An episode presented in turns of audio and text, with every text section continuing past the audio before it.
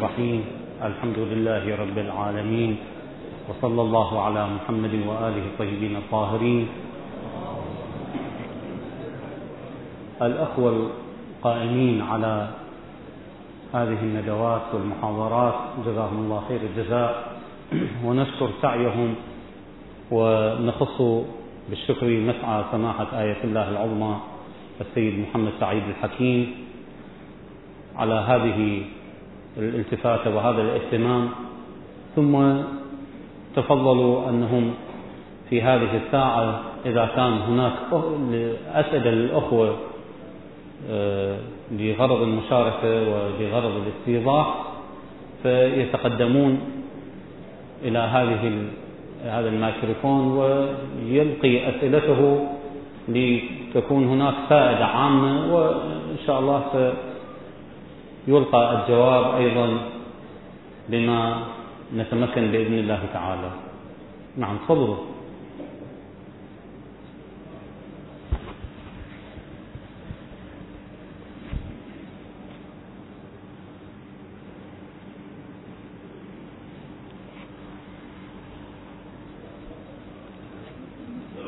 عليكم. السلام ورحمة الله. إذا أكو ورقة شخص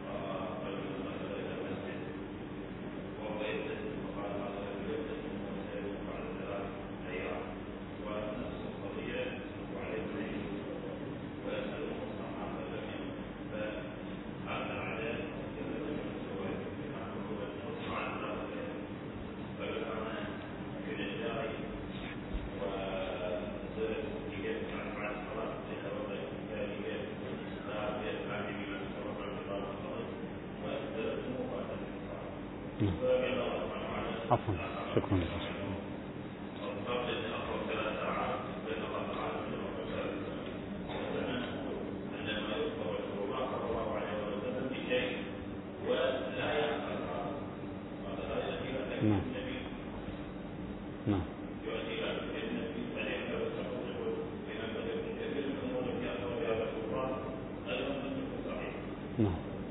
أحسنت. تفضل طبعا بالنسبة إلى ما تفضل به جناب السيد الأخبار التي تروى من قبل الأئمة عليهم السلام أيضا أخبار فيها محتوم وفيها غير محتوم. وهذه الأخبار المحتومة وغير المحتومة يلقيها الإمام عليه السلام لحكمة. إلقاء بعض الأخبار غير المحسومة لحكمة. وإلقاء خبر هذا اليهودي وأمثال هذا الشخص من قبل النبي صلى الله عليه وآله لا يعني تكذيب النبي صلى الله عليه وآله. إنما يريد النبي صلى الله عليه وآله أن يجعل ويبين مسألة البداء. أن الله تعالى يبدو له شيء في أسباب وفي مقتضيات القضية الفلانية. أراد أن يعلمنا ذلك وإلا النبي صلى الله عليه وآله يعلم والأئمة عليهم السلام يعلمون. ولذلك النبي والأئمة عليهم السلام تنكشف عندهم الحكمة والمصلحة الإلهية. ولكن بأمر الله تعالى يخبرون بأمور قد لا تقع حتى يتحقق البداء لأنه ورد ما بعث نبي إلا وأخذ منه الإقرار بالبداء. ثلاثة طبعا الإقرار بالبداء وتحريم الزنا وتحريم الخمر. ما بعث نبي إلا وأخذ منه الإقرار بالبداء. نعم. نعم خذوا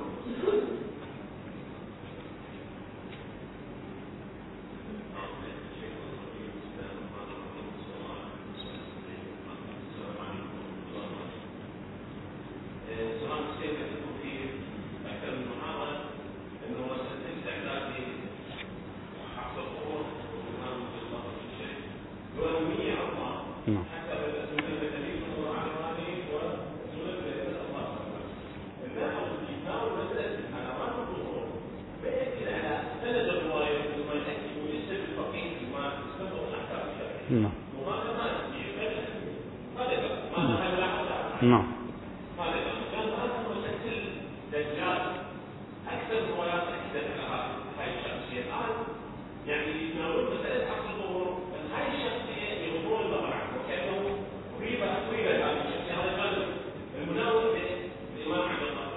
نعم مسألة شخصية شعيب بن صالح نعم. هذه شخصية لما أنا أكثر من رواية ال- هذا الصفات من مواليد أهل البيت ويظهر بعض الروايات اللي تدل على ظهور شعيب بن صالح يكون أحد مساعدين كما أخبر شكرا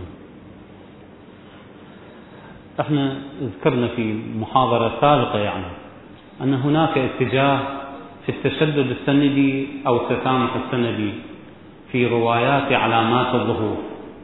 وقلنا أن بعض العلماء يتشددون في قبول الرواية إذا كانت صحيحة. أما إذا كانت ضعيفة سندا فترفض وتطرح. وقلنا أن في علامات الظهور لا متسع للتشدد السندي وإنما التسامح السندي هو طريقة عقلائية يمكن أن نعرف فيها المستقبل.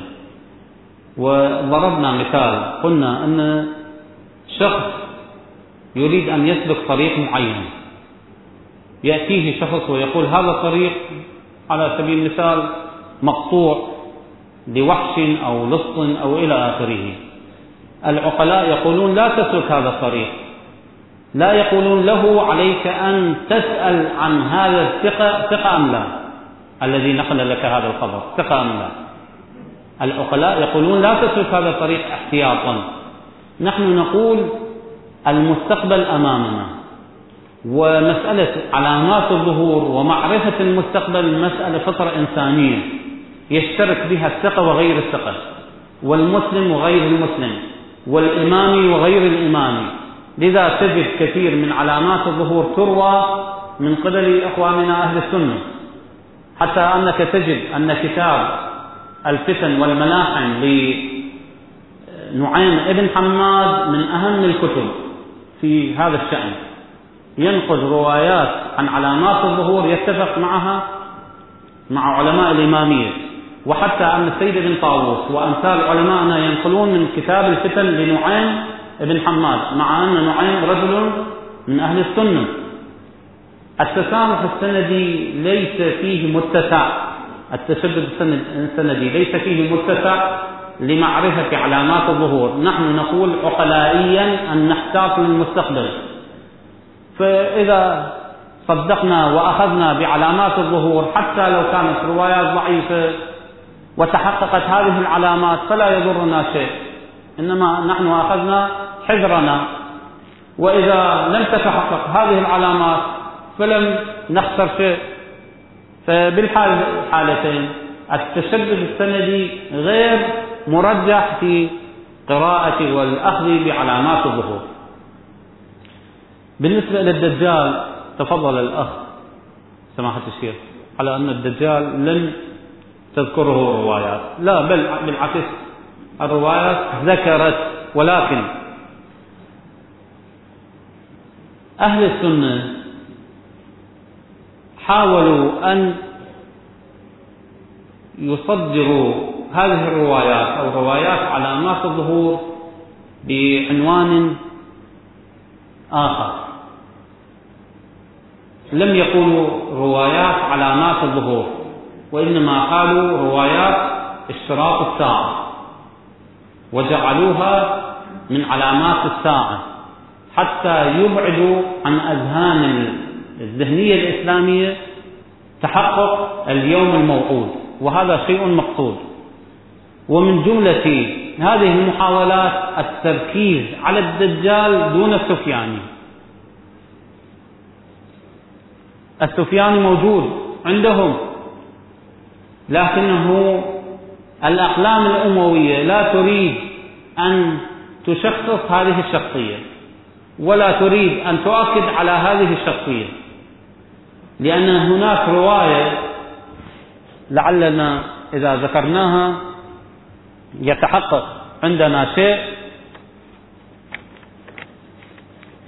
أن أمير المؤمنين عليه السلام يكتب إلى معاوية بن أبي سفيان في رسالة.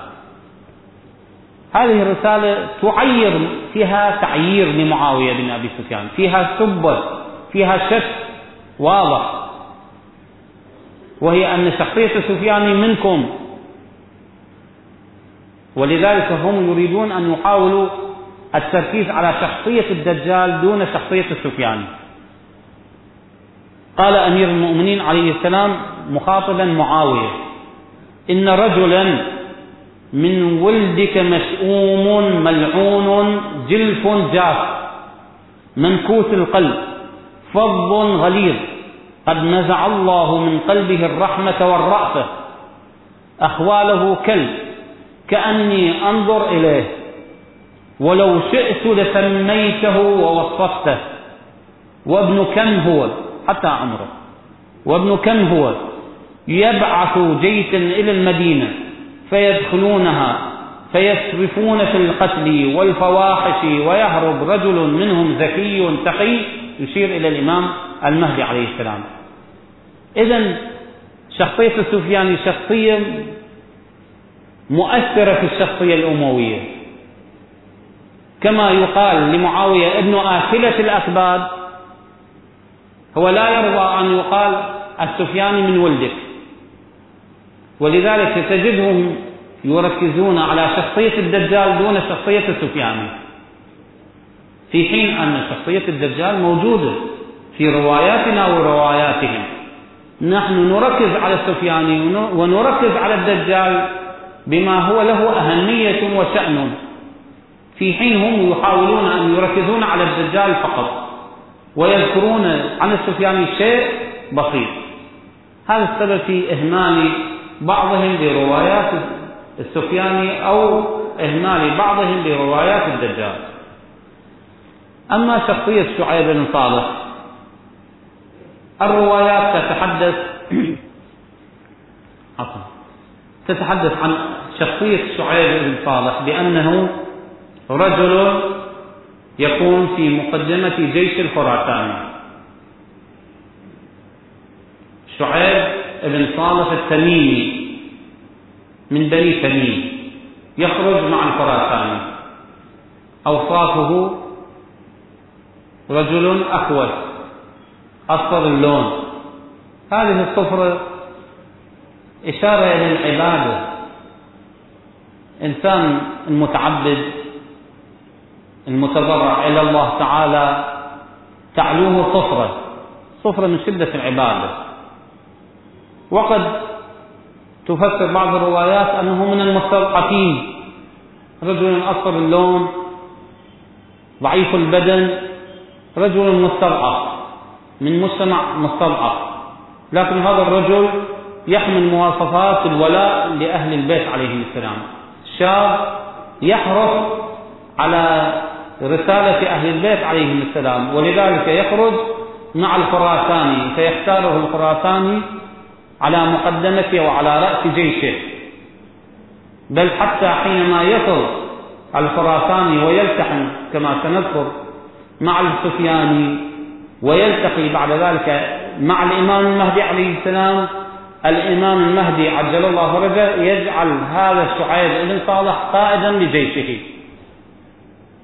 يعني يعطيه مسؤولية أخرى مسؤولية إضافية مسؤولية يشرفه بأن يكون قائدا عسكريا تنفيذيا ميدانيا لجيش الإمام عليه السلام. بعض الروايات تقول بل بعض النظريات لبعض المحققين يقول شعيب بن صالح شخصية لم تكن لم تشر الروايات إلى اسمه بأنه شعيب بن صالح. إنما صفته. صفته. يعني هذا الاسم اسم نعتي وليس اسم علني. ليس علم وإنما هو نعت. كيف يقولون أن هناك شخصية شعيب ابن صالح في زمن نبي الله شعيب كان قائدا عسكريا. مواليا قويا في ذات الله من أصحاب نبي الله شعيب. نبي الله شعيب أعطاه مهام عسكرية. كأن الشخص المشار إليه وهو شعيب بن صالح هذا المشار إليه شخصيته كأنها شخصية شعيب بن صالح التاريخية المذكورة. هذه نظرية ومدى صحة هذه النظرية؟ الله أعلم. وإنما هكذا صرح بعض المحققين. لكن نقول أن الروايات تؤكد على أن اسم شعيب بن صالح هو شعيب بن صالح التميمي من سمرقند من منطقة سمرقند في خراسان. والله عالم بحقائق الأمور نعم. نعم تفضل السلام عليكم عليكم السلام ورحمة الله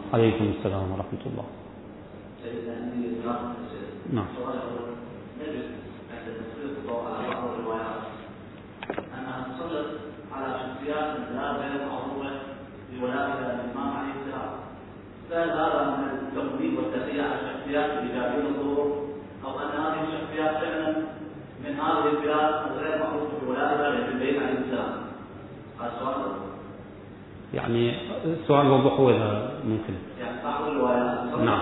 على شخصيات من بلاد غير معروفة بولائها للإمام عليه السلام نعم فهل هذا نوع من أنواع التمرين الذي اشرت إليه والتغيير على بعض الشخصيات يعني؟ يعني الأئمة عليه السلام يشيرون إلى شخصيات أصحاب الأئمة الإمام نعم هذا السؤال. نعم السؤال الثاني هل السفياني بحركه النادي يدرك منذ الوجهه الاولى من اول الامر انه ضد حركه الامام أو انه يفاجئ بحركه واجب تواجهه فلذلك يقف وجهها ويحاول تقويمها. نعم هذا السؤال الثاني. السؤال الثالث هل ممكن ان نفهم من هذه التاثيرات أو التاكيدات على حاله السفياني اننا لابد من فتح هذه الحركه ومحاوله تقديمها ومحاوله فتحها يعني انه تكليفنا شرعي يقتضي علينا في هذه ال- هذه الامتحان هذه هذه الأيام اننا نخوف حركه السفياني وتكون بذلك سبب اسباب أو ضغوط حركه السفياني والحمد لله رب العالمين. نعم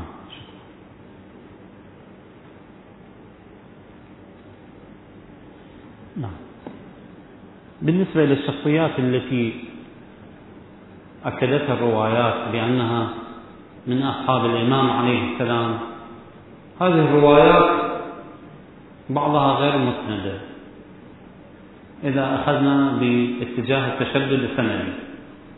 لكن الروايات ذكرت أسماء فقط لأن الأئمة عليهم السلام يقولون إذا أردنا أن نذكر أسماءهم وأسماء آبائهم وعشائرهم وقبائلهم وإلى من ينتسبون لذكرناهم. لكن الأئمة عليهم السلام حرصوا على أن لا يفسروا أو يوضحوا عن هذه الشخصيات. إنما أشاروا إشارات بسيطة وذكروا الأسماء فقط على الاسم الأول فقط. مثلا محمد وعلي وأحمد من خراسان. مثلا يحيى وحسن من اليمن بدون ذكر آبائهم وقبائلهم مع أن الأئمة عليهم السلام يذكرون يعرفون حتى عشائرهم وحتى أعمارهم كما كان الإمام الحسين عليه السلام يعرف أصحابه قبل معركة كربلاء. بل أن النبي صلى الله عليه وآله قال في أصحاب الحسين عليه السلام يستطيع أن يعرفهم أسماءهم وقبائلهم.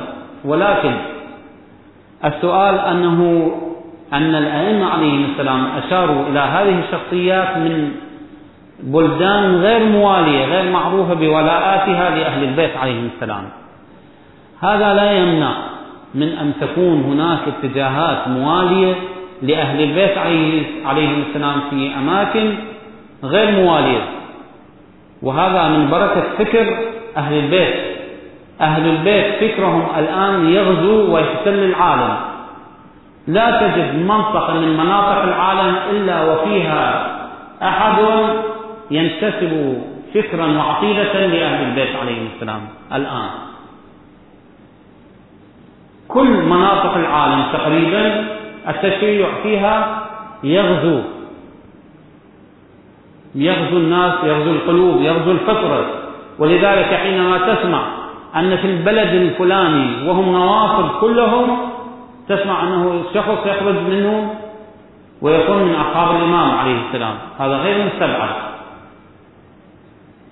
يكتم إيمانه فلذلك تجد أن حب أهل البيت وعقيدة أهل البيت عليه السلام الآن تغزو العالم. ونحن لا نستبعد أن تكون هناك يعني اتجاهات لعلها من حتى من دول أوروبا يعني من أصحاب الإمام المهدي عليه السلام من دول أوروبا. تلتحق بالإمام المهدي عليه السلام؟ لا نعلم. ولذلك لم يكن ولاء أهل البيت عليه السلام مقتصرا على المدن أو البلدان التي عرف بولائها لأهل البيت.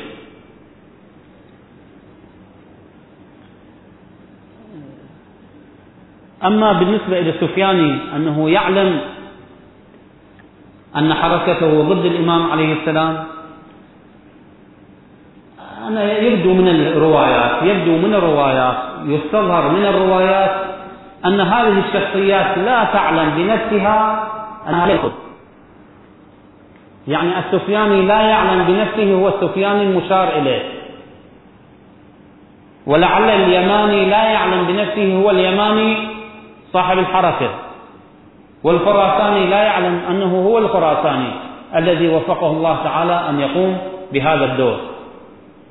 الله سبحانه وتعالى رتب الأمور والأسباب وجعل هذه الشخصيات قد هيأها لهذه الظروف ولهذه الأسباب. ولذلك هي قد لا تعلم في بادئ الأمر هي المقصودة والمشارة. هذا شيء يستظهر من الروايات. تلمس أن هناك عدم معرفة أن السفياني هو السفياني يعلم بنفسه هو السفياني أو اليماني أو الخراساني. يشير إلى نفسه. تجد أن هؤلاء اليماني والخراساني والهاشمي وأمثالهم يجعلون تكليفهم نصرة الإمام. تكليفهم نصرة عقائد وفكر أهل البيت عليهم السلام. وليس داعيه أن يكون هو هذه الشخصية المشار إليها. وكذلك السفياني السفياني هكذا. طموحاته السياسية. طموحاته السياسية تلجئه إلى أن يصد حركة الإمام المهدي عليه السلام. يعلم أو لا يعلم؟ يعلم بنفسه هو السفياني أو لا يعلم بنفسه؟ وسنشير إلى أن السفياني بعد ذلك يعرف أن الإمام عليه السلام هو الخليفة الله هو الحق وإلى آخره وسيأتي إن شاء الله. أما بالنسبة إلى تكليفنا لحركة السفياني ما هي؟ نحن مكلفون بأن نتصدى لحركة السفياني إذا شخصناها أنها هي حركة السفياني إذا شخصنا أن هذا السفياني هو السفياني المشار إليه وحركته هي هذه الحركة نحن نشخص تشخيصنا وتعاطينا مع هذه الحركة لا تكون بالتصدي لها وإنما بالاجتناب عنها ولذلك الإمام الصادق عليه السلام يسأل من قبل أصحابه يقولون إذا كان هذا القتل وهذا التنكيل من قبل السفياني بشيعة أهل البيت عليه السلام فما الذي نفعله؟ تنجو وتسلموا ثم يسأل. إذا إذا استندناه ما هو حال عيالاتنا أطفالنا نسائنا؟ يقول هو لا يتعرض إلى النساء والعيالات. ما يجده أمامه يقتله. ما يجده أمامه يقتله وينكل به. ولكن الذي يكون عنه بعيد يسلم منه. يبدو أنه كما قلنا حينما يدخل الكوفة يدخل مهزوم منكسر. ضعيف لا يستطيع أن يتابع جيشه من يفر من شيعة أهل البيت عليهم السلام. ولذلك الذين يفرون يسلمون بإذن الله تعالى لأن حركة السفياني حركة قليلة وأيام معدودة وأشهر قليلة ويأتي التفصيل إن شاء الله. نعم. نعم تفضل.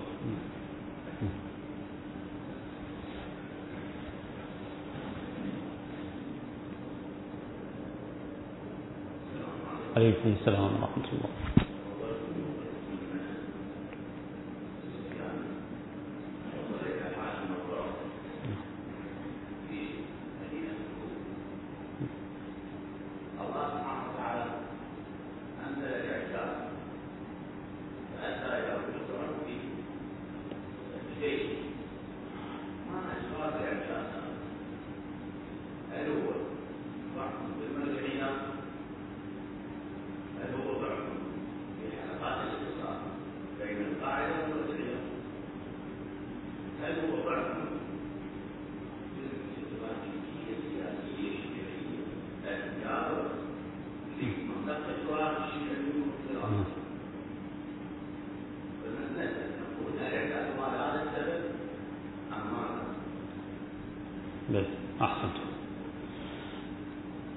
طبعا إعجاز الله تعالى لا نعلم الحكمة منه ولا نعلم المصلحة. ولكن يبدو أن الجيش السفياني حينما يأتي يريد القضاء على شيعة أهل البيت تماما تماما. ولذلك يقول هو يمشي ويقول ربي ثأري والنار يقول يردد هذه الكلمات ثأري والنار المهم أن أنتقم من شيعة علي. المهم أن أنتقم من شيعة أهل البيت. ثأري ثم فليكن مصيري النار. ثأري والنار. إنسان منتقم. إنسان لا ليس في قلبه رحمة كما وردت فيه الرواية. ليس في قلبه رحمة كما قرأنا فضل غليظ. لا يرحم أحدا. لكن الكوفة ستعاني من مقتلة عظيمة على يد سفيان. والكوفيون شيعة أهل البيت عليهم السلام لا يستطيعون صد هذه الحركة. حركة عسكرية متطورة. حتى لو كانت عند الكوفيين قوة عسكرية تريد أن تصد السفياني لا تستطيع. تعجز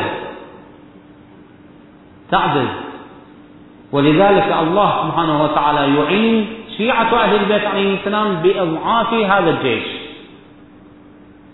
بإضعاف السفياني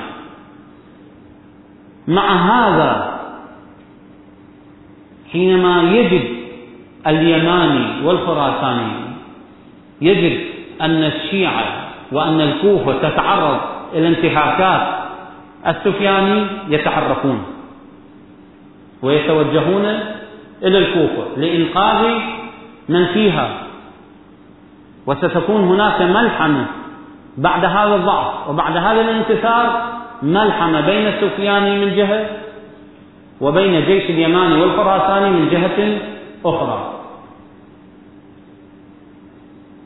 فليس هناك وحسب الظاهر ليس هناك وهذا هو الحقيقة أي تقصير في هذا الشأن. لا من قبل المرجعيات ولا من قبل شيعة أهل البيت عليه السلام. لأننا سنجد أن في الكوفة هناك جيوب عمالة للسفياني جيوب منافقة للسفياني تظهر الولاء لأهل البيت عليهم السلام لكن سوف تمهد للسفياني عند قدوم وتوجه السفياني سوف تفعل ما تفعل. وسنذكر هذه الحركة بإذن الله تعالى. نعم. نعم. تفضل تفضل.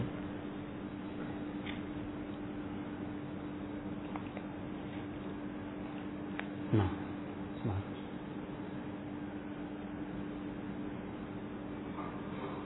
أحسنت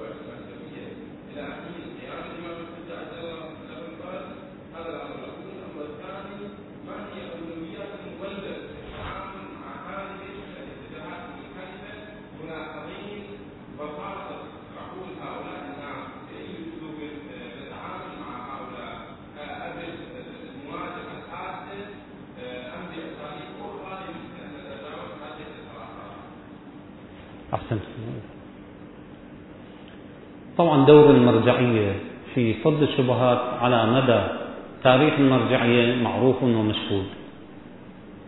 وإذا لاحظنا تاريخ السفراء رضوان الله عليهم في التصدي للشبهات وفي فرح المدعين للسفارات المدعية بأنها تتصل بالإمام عليه السلام أمثال الشلمغاني وابن هلال الكرخي وأمثالهم نجد أن المرجعيات الشيعية قد بذلت قصارى جهدها من أجل تطويق هذه الحركات وهذه الشبهات. ولذلك تجد أن سفارة الشيخ حسين بن روح رضوان الله عليه حسين بن روح النوبختي من أهم السفارات في وقته. أهم السفارات. وأهم المرجعيات الشيعية هي مرجعية الحسين بن روح النوبختي لأنه حاول فضح هذه المدعيات بأساليبه المعروفة. فضح السلمغاني وعرى أحمد بن هلال الكرخي فضحه. وكذلك فضح المعروف بالصوفية. هذا الرجل الصوفي غاب عن بالي وهو يدعي التشيع ولو وليس بشيعي. صوفي رجل صوفي يدعي التشيع بل ادعى السفارة عن الإمام المهدي عليه السلام. وليس بشيعي وليس بسفير للإمام المهدي عليه السلام. وصل الأمر إلى أن الحسين بن روح فضحه علنا حتى أن الراضي العباسي الخليفة العباسي الراضي بالله على الرغم من انحرافه عن أهل البيت عليه السلام عمد إلى إعدام هذا المتأول والمدعي.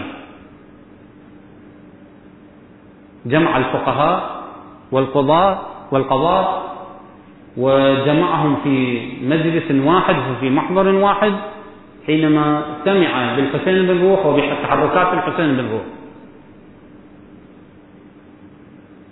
وأثر عليه حكم القتل. يقال أنه ضرب عدة أصوات ثم قطع رأسه. وهذا معروف. أنا الآن لم أذكر اسمه. يعني غاب عن بالي اسمه. فإذا المرجعيات في ذلك الوقت تصدت إلى الشبهات وحاولت أن تبذل قصارى جهدها. وأية مرجعيات هي؟ الشيخ المفيد. أيام الغيبة الصغرى الشيخ المفيد رضوان الله عليه. تصدى إلى الشبهات حتى حاول الخليفة العباسي أن يجعله في مكان رسمي فأعطاه كرسي الكلام. كرسي الكلام في بغداد لا يجلس عليه إلا أفقه الفقهاء فأعطي كرسي الكلام. هذا إنجاز عظيم من قبل المرجعية الشيعية. إنجاز عظيم. السيد المرتضى بعد الشيخ المفيد حاول أن يصد شبهات الحنابلة وأمثالهم وأعطي كرسي الكلام بعد خليفته الشيخ المفيد. وهكذا الشيخ الطوسي بعد السيد المرتضى في الفتنة المعروفة في بغداد حتى حاول هؤلاء الهجوم على الشيخ الطوسي وإحراق مكتبته وقتل من في بيته. لكن إن شاء الله تعالى أن يسلم الشيخ الطوسي وعائلته ويأتي إلى النجف. خط المرجعية خط جهادي. ليس على مستوى دفع الشبهة وإنما على مستوى التصدي أيضا. والمعروف بابن العلقمي مؤيد الدين ابن العلقمي معروف. وزير الخليفة المستعصم بالله آخر خلفاء بني العباس كان على فقه وعلى دراية عظيمتين. كان يصد شبهات المنحرفين وكان يصد أيضا تحركات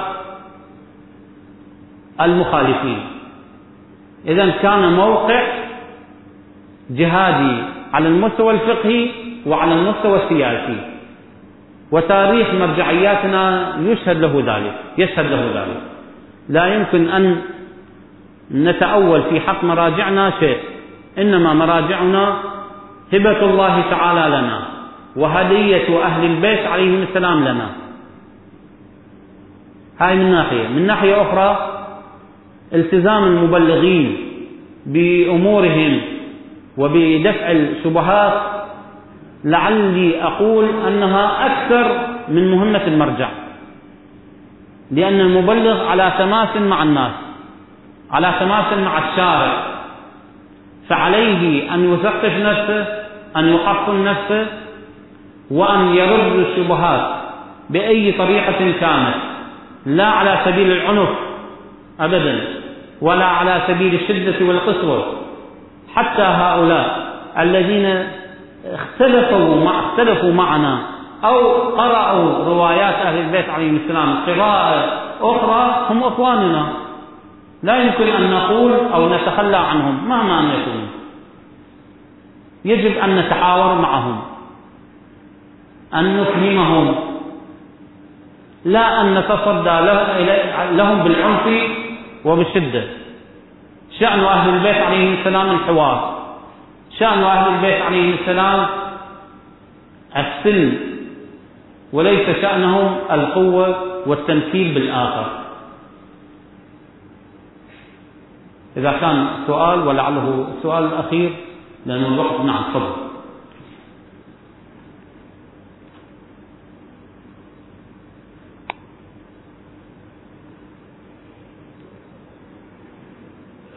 عليكم السلام.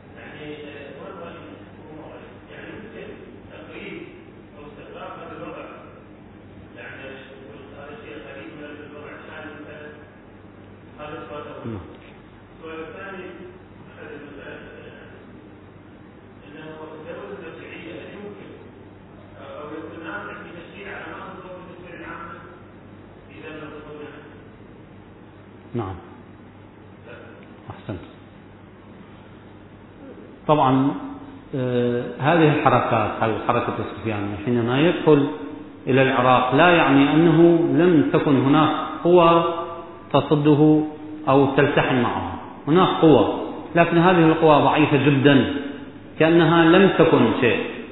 ولذلك السفياني يسحق هذه القوى هذه القوى يسحقها.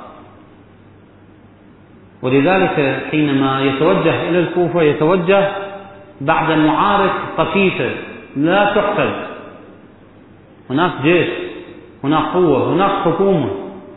ولكن هذه الحكومة لا تقوى على التصدي لحركة السفياني لأنها لأننا قلنا أن السفياني يتحالف مع دول أخرى. فيأتي بقوة عظيمة. لا يستطيع. لا النظام الموجود يعني في بغداد أو في العراق في ذلك الوقت. ولا في غيره. إنما هناك قوى شيعية كاليماني والخراساني تحاول أن تتعاون مع شيعة أهل البيت عليه السلام وتنقذهم وتنقذهم من تنكيلات وقتل السفياني فتلتحم مع السفياني وتحاول أن تخلص شيعة أهل البيت من السفياني. ولذلك نجد أن هناك قوى لم تكن جيش وإنما أشبه بالحركات الشعبية. تشير إليها الروايات. حركات شعبية تحاول أن تنقذ ما بقي من شيعة أهل البيت في الكوفة من أيدي السفياني وهذه الحركات أو هذه التجمعات الشعبية تسمى بعصب العراق.